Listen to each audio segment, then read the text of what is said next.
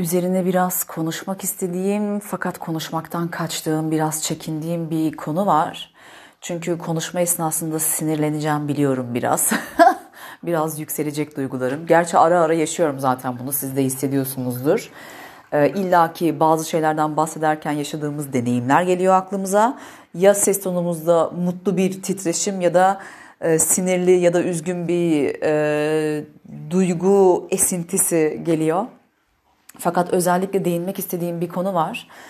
Ee, son iki yıldır güçlü deneyimler yaşadığım bir konu. Yoga alanında öğretmenlik, öğretmen olmak, öğrenci olmak ve asistan öğretmen olmakla ilgili biraz yoğun ve ayrıntılı bir konu. Hani tek bir ses kaydında ele alınamayacak bir konu bence ve biraz karşılıklı karşılıklı sohbetle beyin fırtınasıyla e, yapılması ve dallandırıp budaklandırılması gereken bir konu olduğunu düşünüyorum. Çünkü en nihayetinde e, kişilerle, kişiliklerle ve karakterlerle çok doğru orantılı. Fakat bir de şöyle bir şey var. Bilmiyorum belki burada biraz bakış açım gelenekselci gibi de duyulabilir. Bazı mesleklerin ya da hallerin bazı çerçeveleri vardır çok çerçevesiz kaldığımızda konu çok uçup gidiyor ve be, bencelere geliyor. Bence böyle. Bence şöyle dediğimizde zaten iş kopup gidiyor ve e, kavramların altını e, her türlü açıklamayla doldurmaya başlıyoruz ve kaybolmuşluk yaşıyoruz. Öğretmenlik bence ne dediğimizde bunun altını milyon tane cümleyle doldurabiliriz. Ya da öğrencilik ne demek? Asistan öğretmenlik ne demek? Bence şöyle, bence böyle dediğimizde çok dağılıyor konu. Yani bunların bazı kavramların her kavram için demiyorum. Atıyorum dürüstlük kavramı, hakkaniyet kavramı, eşitlik kavramı, kadın erkek olmak kavramı, insan olmak kavramı bunlar böyle çok e, toplumsal konuyu da ele aldığı için kolektife e, hitap eden kavramlar olduğu için çerçevelerinin biraz net belirlenmesi gerekiyor. Yoksa anarşi başlar yani hani sonunu önünü göremezsin ve hiçbir yerinden ucundan tutamazsın. Bence bazı meslekler için de eh, bak ben benceye geliyorum yine. Bazı mesleklerde bu çerçevenin biraz net belirlenebiliyor olması lazım. Özellikle öğretmenlik gibi bir meslekte ve öğrenci olmakla ilgili. Sonra öğrenci ile öğretmenliğin arasında köprü görevi gören asistan öğretmenlik bence daha kritik bir yer.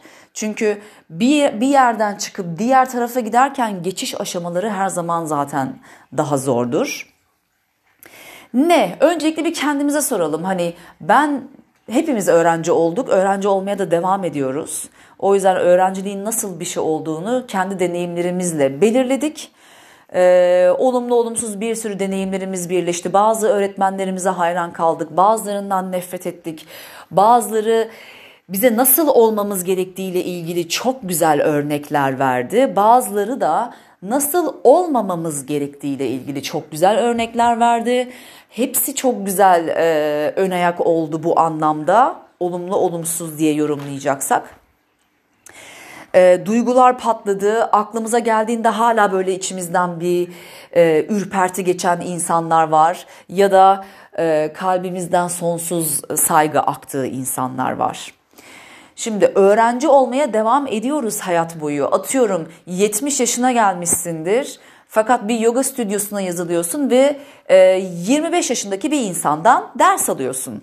Yine öğrenci oldun. Hani senin hayat deneyiminle o kişinin hayat deneyimi arasında dağlar kadar fark olabilir. Fakat oradaki pozisyon e, seni öğrenci ve diğerini öğretmen yapıyor.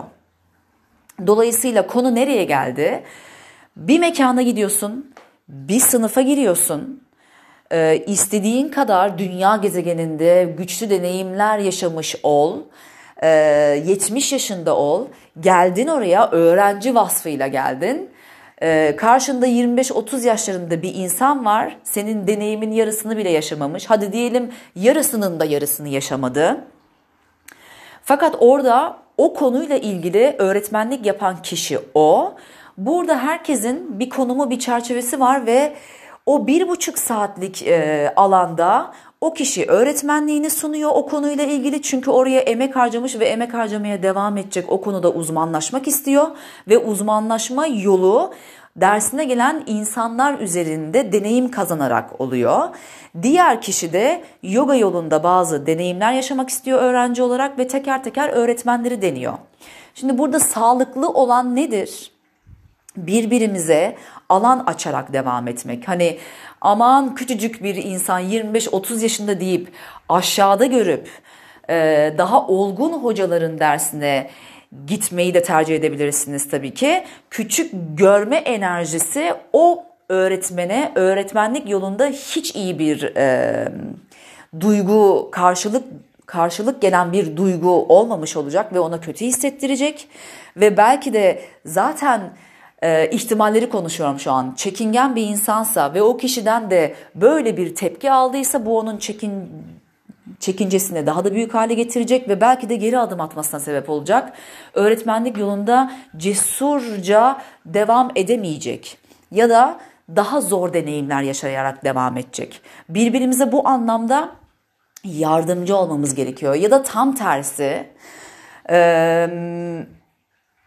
yoga öğretmenliğini eline almış bir insansın. Yaşın ne olursa olsun eğer doğanda kibire kaymak varsa karşına gelen insanlara aşağılayarak ya da küçümseyerek ya da dudağının kenarında alaycı bir gülümsemeyle e, ders vererek sanki karşındaki kişilerin hiçbir deneyimi yokmuş gibi o güne kadar hiçbir şey yaşamamışlar, hiçbir şey düşünmemişler. Hayatla ilgili e, hiçbir şekilde kafa patlatmamışlar. Onları sıfırdan ele alıp onların üstünde kendini görerek ders vermek, e, böbürlenmeye girmek. Bunlar kabul edilebilir davranışlar değil ve olmamalı da. Bu tarz insanlara alan verdikçe ne yazık ki kendilerini göremiyorlar, tavırlarını göremiyorlar ve istedikleri gibi istedikleri insan üstünde e, duygusal mastürbasyon derler ya. E, her türlü duyguyu istedikleri gibi kullanmaya başlıyorlar. Fakat bu karşıdaki insanı nesneleştirmektir demiştik e, başka bir ses kaydında.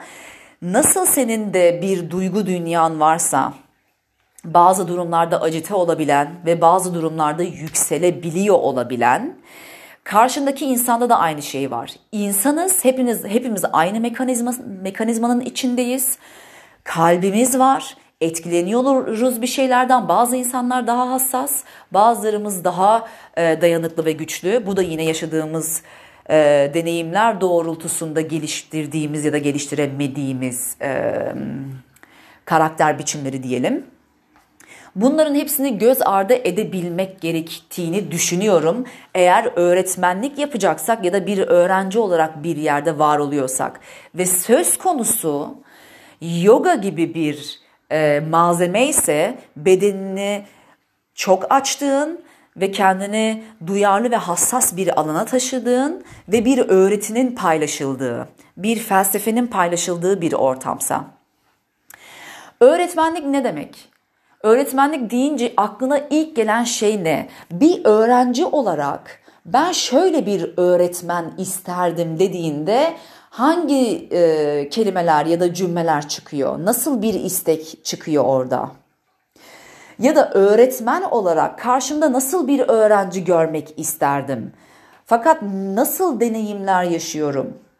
Ve ben öğrenciyken istediğim öğretmen tipini öğretmen olduğumda karşıya sunabiliyor muyum? Ya da bir öğretmen olarak görmek istediğim öğrenci tipini ben öğrenciliğe geçtiğimde karşımdaki öğretmene verebiliyor muyum? Sürekli rol değiştiriyoruz. Hep değiştirmeye devam edeceğiz. Ve bu rol değiştirdiğimizde değiştirdiğimiz an itibariyle sıcağı sıcağına yogada asıl yapmaya çalıştığımız şey bilinçli farkındalık ya. O anda sıcağı sıcağına kendine hatırlat. Bunları düşünebiliyor muyum? Bence kesinlikle her öğretmenin öğrenciliğine devam etmesi gerekiyor. Çünkü bazı mesleklerin her şeyde olduğu gibi bu arada handikapları çok büyük olabiliyor. Sadece öğretmenlik yapıyorsanız bu biraz hep anlatmaya, anlatmaya, anlatmaya, bilgi vermeye ve bir süre sonra hiç kimseden alamamaya geçiyor. Ee, sadece öğrencilik yapıyorsanız ve öğretmenliğinizi bir türlü kabul etmiyorsanız da hep alıcı konumunda kalıyorsunuz. Fakat kendinizi belki çok doldurduğunuz bilgilerle taşırdığınız artık aktarmanız gerekiyor. Fakat bir türlü vermeye geçemiyorsunuz. Çünkü bu, bu sefer kişide kendini küçük görme, aman ben kimin de kime ne anlatacağım, kime ne aktaracağım şeklinde tam tersi bir yere kayabiliyor. Bu ikisini dengeleyebilmemiz lazım. O yüzden konumumuz her neresi ise Oradan perspektifi değiştirip Aa, bir dakika şu an öğrenci konumundayım. Kendime kendime bakan bir öğretmen olarak gördüğümde nasıl bir öğrenci oldum şu an? Ee, kendimizi dışarıdaki bir gözle değerlendirebilmek çok hızlı bir şekilde dönüşüm sağlayacak.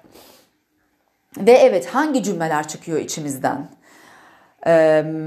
Bir sürü örnekler görüyoruz gerçekten bazı insanlara baktığımızda. Mesela benim Aştanga yolumda başka bir ses kaydında bahsetmiş miydim bilmiyorum. En çok etkilendiğim kişi Dylan Bernstein olmuştu. Ve onun e, soy ismini Almanca okuyorum tabii Bernstein. Almanlıkla alakası yok tabii kendisinin. Çünkü onu ilk gördüğümde derse gittim, pratiğimi yapıyorum. Gözlemlemeye başladım ve aman Allah'ım ne kadar muhteşem bir hoca. İçeride 20 küsür kişiyiz. Kimseyi gözünden kaçırmıyor. Herkesin e, zayıf ve güçlü yanlarını kısa sürede hemen e, keşfetti. Ve insanların ağzından çıkan cümlelere dikkat edip paternlerini de yakalama meyli var benim yanıma gelip e, çok hiç farkına varmadığım şeyleri yakalayıp Beyza sürekli şöyle davranıyorsun gel hadi bunu değiştirelim şimdi böyle bir yere doğru gideceğiz. Tüm sınıfa hakimiyeti e, çok güzeldi ve çok etkilenmiştim.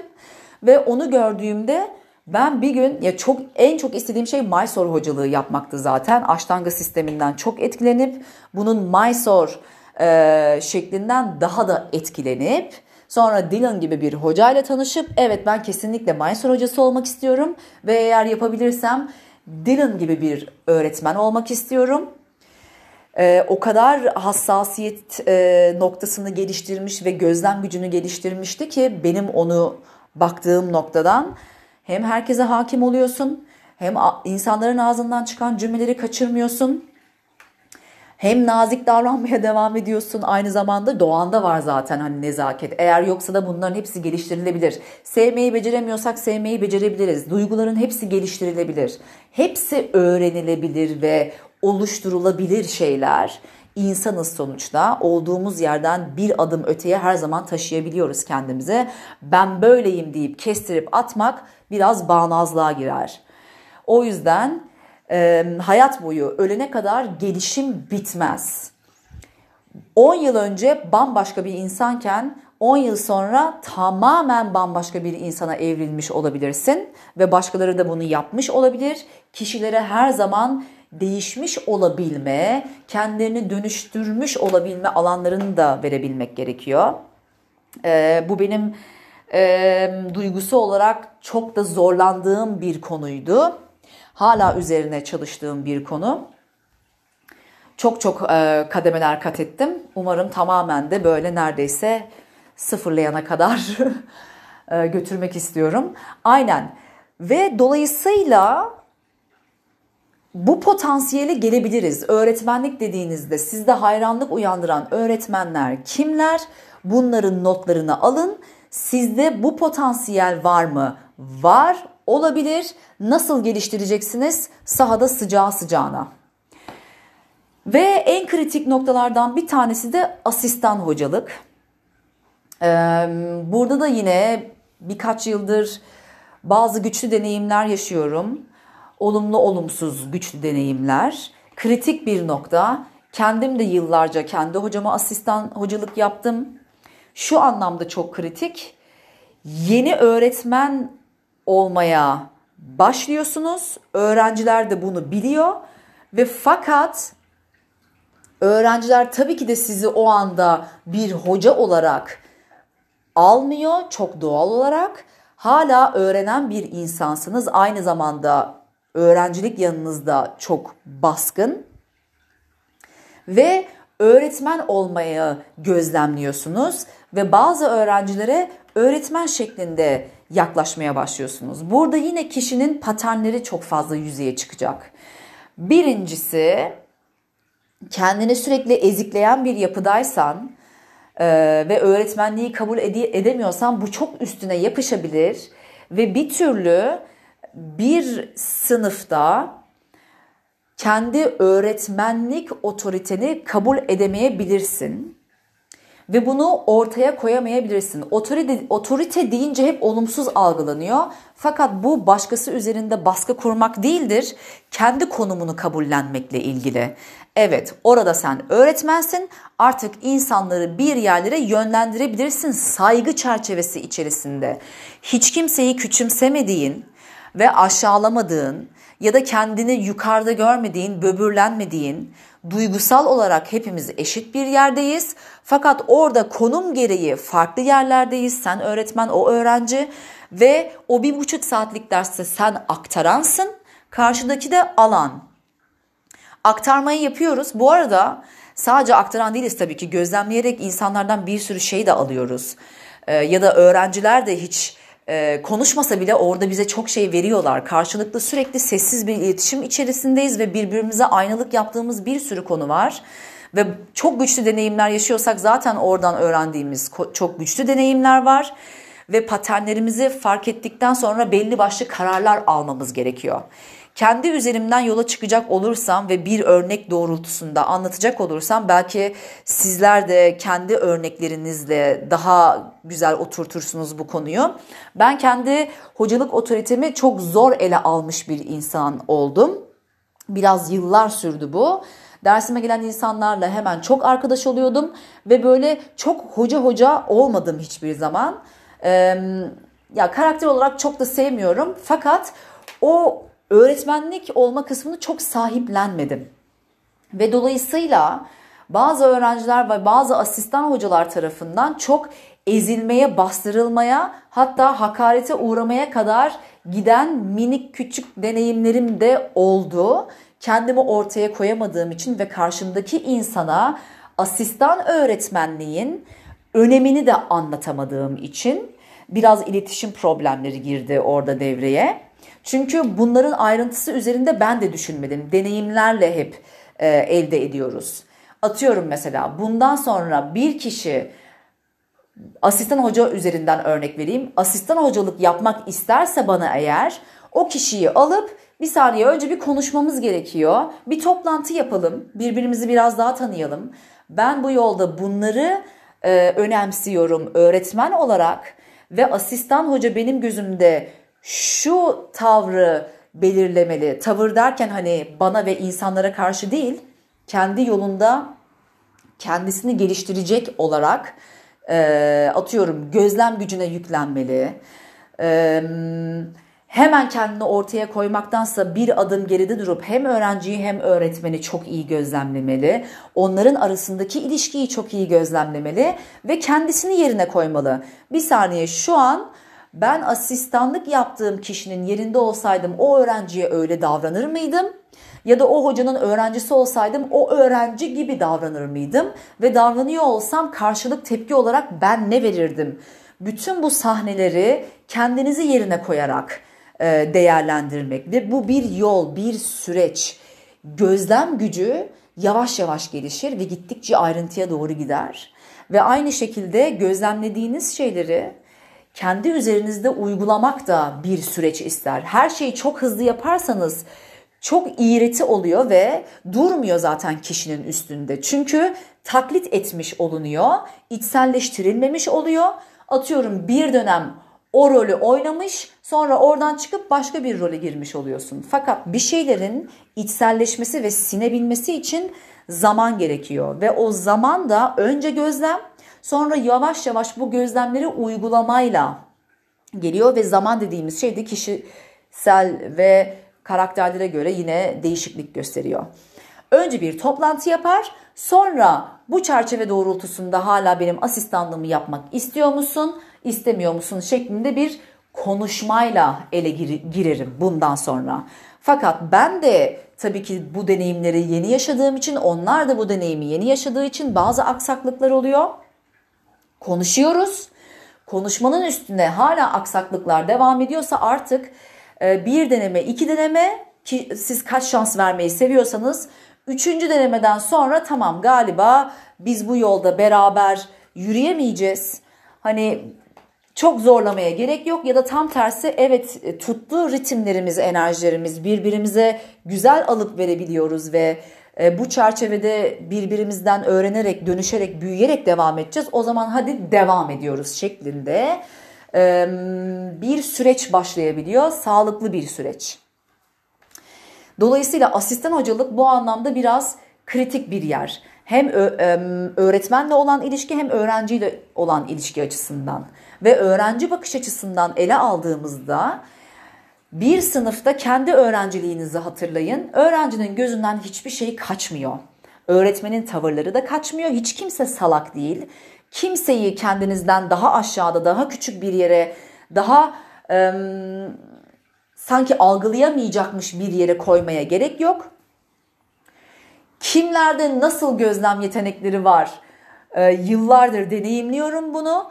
Aklımın ucundan geçmeyen insanlardan gelip bana konuştuklarında ne yorumlar yaptıklarını da biliyorum. O yüzden e, e verip verebileceğim en bu deneyimler doğrultusunda size öneri hiç kimseyi hafife almayın, küçümsemeyin. İnsanlar ne gözlem yetenekleri geliştirmiş vaziyette sizin bile kendinizde farkınızda olmadığınız şeyleri gözlemleyip gelip size aktarabilirler. Ve o noktada da alıcı olabilmek çok önemli tabii. Ve yine paternler doğrultusunda atıyorum. Kendi değerinizi bilemediniz, hep karşıya alan verdiniz, verdiniz, verdiniz. Artık kendi değerinizi bilmeye geçtikten sonra bir limit koymanız gerekiyor. Bir insana bu yolda artık bir şans vereceğim, iki şans vereceğim, artık üçüncüde bir dur diyeceğim şeklinde e, bir karar alıp kendi değerinizi de ortaya koymanız gerekiyor. Ya da tam tersi noktadaysanız, böbürlenme noktasındaysanız, e, paternler, anne babadan bunu gördünüz, bunu öğrendiniz, çevrenizde bunu öğrendiniz ve o yanınız gelişti, kibir yanınız gelişti. Bunu da yine her şekilde hayat zaten bize öğrenmemiz için bir sürü insan ve olay ortaya koyduğu için alın o deneyimleri. Hemen geri kaçmayın. Hani böbürlenme modundaysan bir dakika ya yine kendimi ondan üstün görmeye başladım. Bu da normal bir duygu. Ama şimdi bir kendimi normal yere çekip iletişim kuracağım karşımdaki insanla deyip kendinize sıcağı sıcağına hatırlatın bunları. Çünkü insan olmanın güzel yanı şöyle bir şey. Ee, değişebiliyoruz, dönüşebiliyoruz ve alan açtıkça karşıdaki insanda da alma potansiyeli ve bu almayı size sunuyorsa alan açmaya devam edin o kişiye. Ama almıyorsa, kapattıysa ve inatla o kapalılıkla devam ediyorsa işte oradan e, az önce bahsettiğim gibi bir şans ver, iki şans ver. Hadi üçü de ver kendince. E, Allah'ın hakkı üçtür deyip ya da ikide bırak. Neyse artık senin limitin. Karşıdaki kapalı devam ediyorsa orada artık benim daha fazla yapabileceğim bir şey yok. Kendime de alan vermem lazım çünkü. Ya da o kişide çok ciddi bir e, şema olabilir. Ciddi bir kapalılık, bir iletişim problemi olabilir. Ben terapist değilim. Orada artık daha fazla yardımcı olamıyorum. Onun kendisinin dönüp kendine bakıp bir karar verip sonra yola çıkması gerekiyor. Sonsuz da şans veremiyoruz insanlara ya da kendimize de sonsuz şans veremiyoruz. Bu sefer sürekli amalarla başlayan cümleler çıkıyor ortaya. Ama şöyle oldu ama böyle oldu yani yaptık yıllarca ama hep öyleydi ama böyleydi falan diye. Hayır abi bir süre sonra hadi konuşmayı kes bırak hadi artık eyleme geçme vakti yap. Egonu kenara bırak yap. Defalarca da yaptık bunu hayatta. Ee, o yüzden kendinizce artık kendinizi güzel analiz etmekten başlıyor zaten yol. Çünkü kendini yeterince çözümlediysen ki bu çözümlemenin sonu yok. O zaman başlıyor zaten hani Bir saniye şimdi ben nasıl bir insanım? Bu da psikoloji biliminin öğretilerle bunu çok göremiyoruz. Psikolojik kitapları, psikoloji kitaplarını kesinlikle okuyun. Çünkü olduğumuz kişiyle olduğumuzu sandığımız kişi arasında uçurum olabiliyor.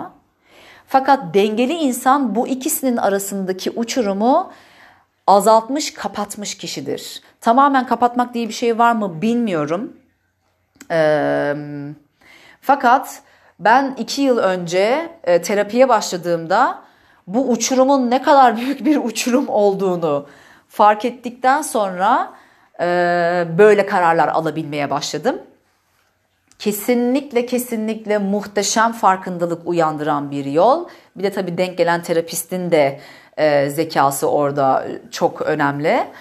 E, muhteşem bir insanla karşı karşıya geldim ve onunla devam ediyorum seanslarıma. Evet burada en önemli kısım ben nasıl bir insanım aslında ama kendimi ne sanıyorum? O olduğun kişiyle sandığın kişi arasındaki uçurumu biraz kapatmak ve sonra bu doğrultuda kararlar almak. Benim şöyle meyillerim var zayıf nokta olarak ve şöyle şöyle meyillerim var güçlü nokta olarak. Fakat ben kendimi dengeli bir yere taşımam lazım. O yüzden bazı kararlar alacağım ve o kararların arkasından çok fazla duygu üretsem de bu kararları artık ortaya koyabilmem gerekiyor. Çünkü artık yeni planda e, eski paternlerimi yaşayan bir insan olmak istemiyorum. Kararla başlıyor ve sonra aldığınız kararın arkasında sonuna kadar durmakla başlıyor. Şimdi burada tabii çok e, aşırı inada da kaymamak lazım. Atıyorum mesela bir karar aldınız ben artık beraber çalıştığım yine bu e, örnek üzerinden gidiyorum. E, uzmanlık örneği üzerinden beraber çalıştığım insanlara iki şans vereceğim. Üçüncüsünde de hala e, konuştuğumuzun üzerine bir şey değişmiyorsa o yolu kapatıyorum artık. E, beni alabilecek olan kişilere emeğimi vereceğim. Çünkü zaten vakit dediğimiz şey, e, zaman dediğimiz şey nerede başladı, nerede bittiği belli değil. Ben kaç yıl yaşayacağımı bilmiyorum. Şu an buradayım, bu emeği veriyorum ve bu emeği verirken bu emeği alabilecek olan kişiye aktarmak istiyorum. Kapalı bir kişiyle sonsuza kadar uğraşırım. Emeğim de boşa gider. Bir işe yaramaz çünkü karşıda onu alan kişi yok. Ve emeğimi verdiğim kişi de bana emek veriyor olacak. Bu tek başına vericilik ve alıcılık olmuyor. Çünkü atıyorum yine öğretmenlik ve asistan öğretmenlik ilişkisiyle yola çıkarım, çıkalım. Ben orada öğretmenliğimi yaparken asistan öğretmenin aslında daha ne kadar çaba içerisinde olduğunu çok iyi biliyorum. Çünkü ben de aynı yoldan geçtim. En daha endişeli, e, kendini kanıtlama derdinde umarım verdiğim asistler beğeniliyordur ya da tavrım iyidir ya da insanlar üzerinde nasıl bir etki bırakıyorum acaba birinin canını mı sıktım birinin kalbini kırdım mı, birine yanlış bir şey yaptım mı ya da sakatladım mı, incittim mi? Bu endişeler çok oluyor. Özellikle Mysore odasında asistanlık yapıyorsanız sessiz bir ortam, güçlü bir şekilde asistlere dayalı bir sistem ve her şey çok hassas olabiliyor ve o endişeler içerisinde o kişinin de e, asistan hocanın da sabah vakti oraya gelip bütün e, duygularını bir kenara bırakıp orada insanlar üzerinde e, cesaret gösterip hocalığını deneyimlemeye başlaması. Buraya ilk adımını atması büyük bir cesaret. Bu da ama emekle, kararlılıkla ve kendi hocasına alan açmakla doğru orantılı. Siz daha kendi öğretmeninize alan açamıyorsanız, onun verdiklerini alamıyorsanız nasıl bu yolda ilerleyeceksiniz?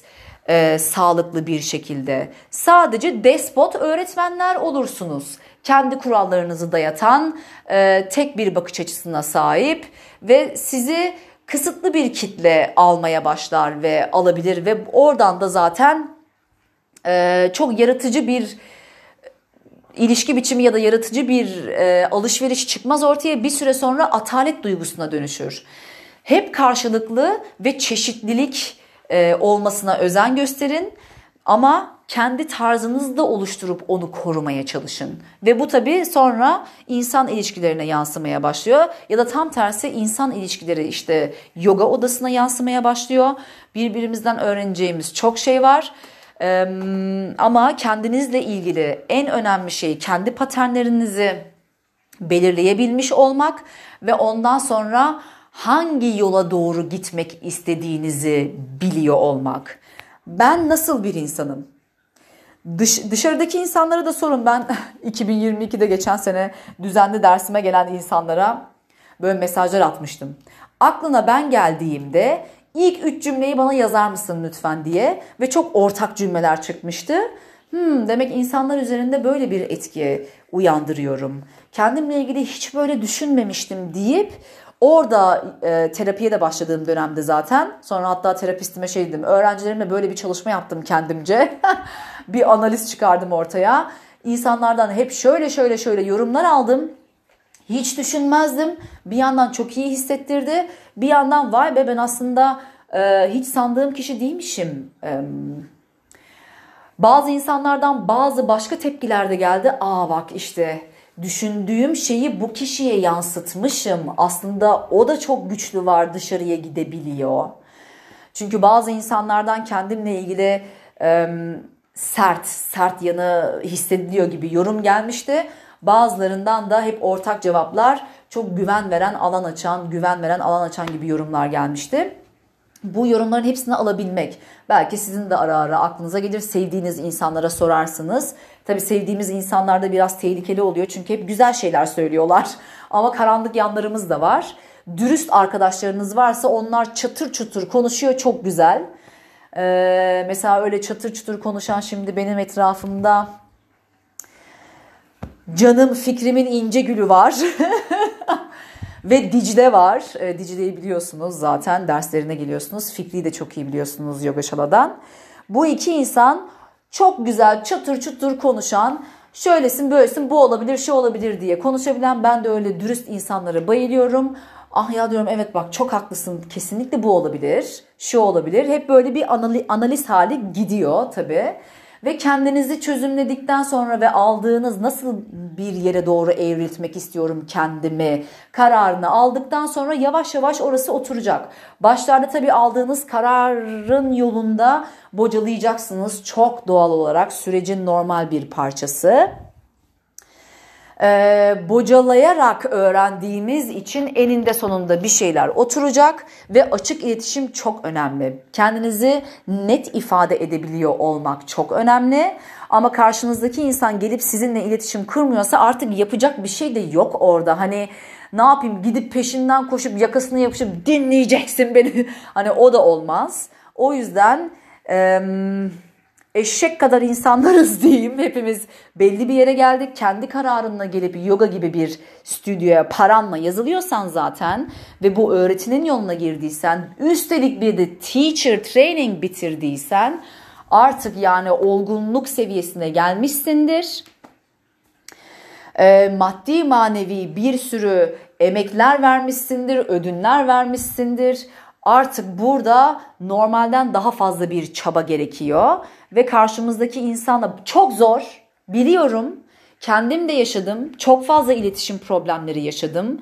Çok cesaret göstermek zorunda kaldığım alanlar vardı. Çünkü genelde benim de e, mailim şuydu. Duygularım çok yükseldiğinde donup kalmak ve harekete geçememek. Yani beynim donup kalıyor böyle aklıma hiçbir şey gelmiyor. Kelime gelmiyor, cümle gelmiyor. Böyle kalıyorum. Kal gelme eylemi neyse onu yaşıyorum. Fakat sonra yavaş yavaş o duyguları daha kontrol edebilir bir hale gelmek ve o anda artık donan beynini harekete geçirmek. Sinan Canan'ın videolarını izleyin eğer tanımıyorsanız. Plastik beyin yani hani beynin plastisitesinden bahsederler. Sürekli değiştirebiliyoruz beynimizi. Bu artık kanıtlandı. Bangır bangır bilim adamları konuşuyorlar bu konuyla ilgili özellikle nörologlar.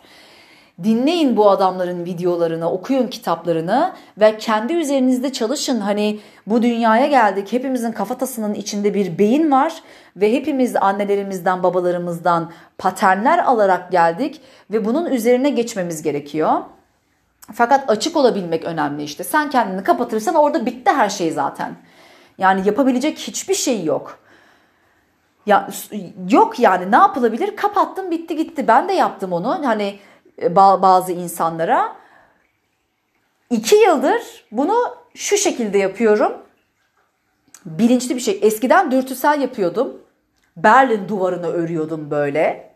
Bitti yani tamamen kapattım. Artık istese de e, benimle iletişime geçemiyordu hiç kimse. Duygularım o kadar acıta oluyordu ki çünkü kendimi korumaya almam gerekiyordu ve beni koruyacak olan şey Berlin duvarıydı. Başka her şey çok zayıf kalıyordu. Ee, şu an ama duygularım daha normal bir seviyede donmaya geçmiyorum. Karşımdaki insanla rahatlıkla konuşabiliyorum. Cümleler ağzımdan çıkıyor. Bir konuyu birçok perspektiften ele alıp bakabiliyorum ve karşıya sunabiliyorum. Ve bu sefer bilinçli bir karar vererek e, bir konuyu artık kapatacaksam kapatıyorum. Kapatmayacaksam emek vermeye devam ediyorum. Bu hale gelmesi lazım. Çünkü bilinçli alınan kararların arkasından gelen eylemler hala yüksek titreşimle devam ediyor. Aşağı çeken depresif ya da agresif ya da pasif agresif bir yerden olmuyor. Ee, evet abi hani ben bunu karar verdim. Bu yolu gidiyorum. Hadi artık adios amigos yani hani sen de o şekilde hareket ediyorsun zaten. Anlaşılan sen de alamıyorsun benden, ben de alamıyorum senden. Buradan bir şey oluşmuyor. Boşuna emeğimizi e, çarçur etmeyelim. İkimiz de kendilerimizden alabilecek olan biz de onlardan alabileceğimiz kişilere doğru gidip oralara emeğimizi verelim. Her türlü ilişki zaten bu anlamda bu konsept doğrultusunda aşk ilişkileri de aynı şekilde, arkadaşlık ilişkileri de aynı şekilde. Ee, sadece bazı alanlarda daha güçlü deneyimler yaşıyoruz. Ee, ben genelde bu e, yoga camiasında çok güçlü deneyimler yaşadım. Hayatımın merkezine koyduğum için aştangayı. Onu da biraz hafiflettim sonra çünkü o da çok sağlıklı değil. Şu an dengelemiş vaziyetteyim. Ee, neyi çok hayatınızın merkezine koyuyorsak oradan bayağı darbeler de yemeye başlıyoruz. Ya da aşırı güçlü, bizi yükselten ve ışığımızı pasparlak yapan deneyimler yaşıyoruz. Bunların hepsinin değerini bilmek gerekiyor tabii. Hepsi değerli, hepsi öğretici, güzel. Ve e, şeyden çıkmamak gerekiyor. Çocuklukta sevgiyi öğrenemediyseniz o, o konuyu öğrenmek de hiç kolay değil tabii ki. Sevme Sanatı diye bir kitap var. Onu belki defalarca okumak. Sonra e, yine hep alan açmakla ilgili kendimize. Kendimize önde, önce alan açmak zaten. Ben kendimi seviyor muyum? Ya da ben kendime saygı duyuyor muyum? Problemim özgüvensizlik mi? Öz saygısızlık mı? Öz sevgisizlik mi? Nereden başlıyor da ilişkilerim dağılmaya başlıyor sonra? Ben hep özgüvensiz olduğumu düşünürdüm. Fakat terapistimle gittiğim yolda şunu ortaya çıkardık ki bana bir gün şöyle bir cümle etmişti. Beyza Hanım sizin özgüven probleminiz yok. Çünkü hangi işi yaparsanız tam bir güvenle yapıyorsunuz. Sizin asıl probleminiz öz saygı dediğinde böyle ben kafama balyoz yemiş gibi oldum. Çünkü e, böyle e, gözümün önünden film şeridi geçer gibi bütün anlar geçti ve o kadar doğru bir tespitti ki hep özgüvensiz olduğumu düşünürdüm. İşte burada yine kavramlar, kavramların altına koyduğumuz tanımlar e, çok giriyor devreye. Çünkü bir kavramın altını yanlış bir tanımla doldurduysan kendini o kavram sanıyorsun. Fakat aslında başka bir problem var orada. Hani özgüvensizlik kodlaması yapıyorum ve güvensiz olduğumu düşünüyorum kendime. Fakat o deyince aa evet hayır ya benim aslında hep hayatım boyunca özgüvenim oldu. Elime neyi aldıysam hep güvenle yaptım, araştırdım, gittim, ortaya attım kendimi. Benim problemim öz saygısızlıktı gerçekten. Yaptığım işte hep kendimi yetersiz hissediyordum ve kendime yeterince saygı duymuyordum ve ilişkilerim de hep bu noktadan patlak verdi zaten. Ve sonra aa bir dakika problemimin kavramı öz saygısızlıkmış ve altında da hep bu duyguları yaşadım zaten dedikten sonra pat pat pat pat pat düğümler çözülmeye başladı.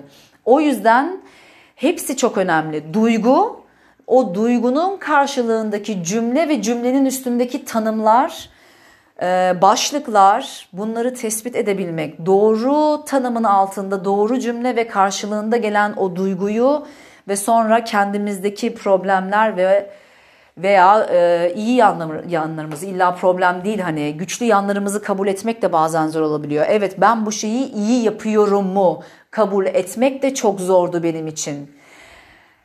Bunu yapıyorum, bunu yapabiliyorum. Evet ben bu konuda iyiyim demek sanki böbürleniyormuşum gibi hissettiriyordu. Çünkü toplumda da hep aman kibire kayma, böbürlenmeye kayma, işte yok bunun da kıçı kalktı, yok bu da kendini şöyle muhteşem sanıyor falan filan gibi çocukluğumuzdan beri hepimiz sürekli kodların içindeyiz. Fakat bu kodlardan sıyrılma vakti, sıyrılma vakti dünya da artık çok hızlandı. Ruhlar olarak bu dünyada kolektif tekamül olarak artık zaman çok hızlı. Öğrenmek çok hızlı. Çok fazla insanla bir araya gelip çok fazla karmik bağları çözümlüyoruz. Her şey çok hızlı bir ses kaydında bahsetmiştim spiritüel çalışmalarımı yaptığım Nergiz Tunçil'den.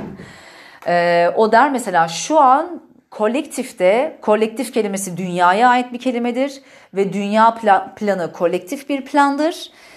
Tek bir hayatı sanki 300-400 hayat yaşıyormuş hızıyla yaşayıp çok fazla insanla bir araya gelip karma kapatıyoruz ya da karma temizliyoruz gibi bir yorumda bulunmuştu. Ve gerçekten de öyle. Ee, çok fazla güçlü duygular yaşatan insanlarla bir araya geliyoruz ve o insanlarla genelde de bir alacağımız vereceğimiz oluyor. Evet genel olarak e, bu şekilde düşünüyorum. Böyle kendimle de yüzleşme çalışmaları yapıyorum. İşte reikisidir, yogasıdır, terapisidir, sporu, masajı. Hani elimin altında böyle başvurmadığım şey kalmadı bu anlamda gibi bir şey oldu. Tabii ki de milyon tane başka alan var başvurulacak. Şimdilik bu kadar diyelim. Sabahın köründe 42 dakika konuştum. Saat şu an sabah 7'yi 6 geçiyor. ben kendime bir kahve daha koyayım en iyisi.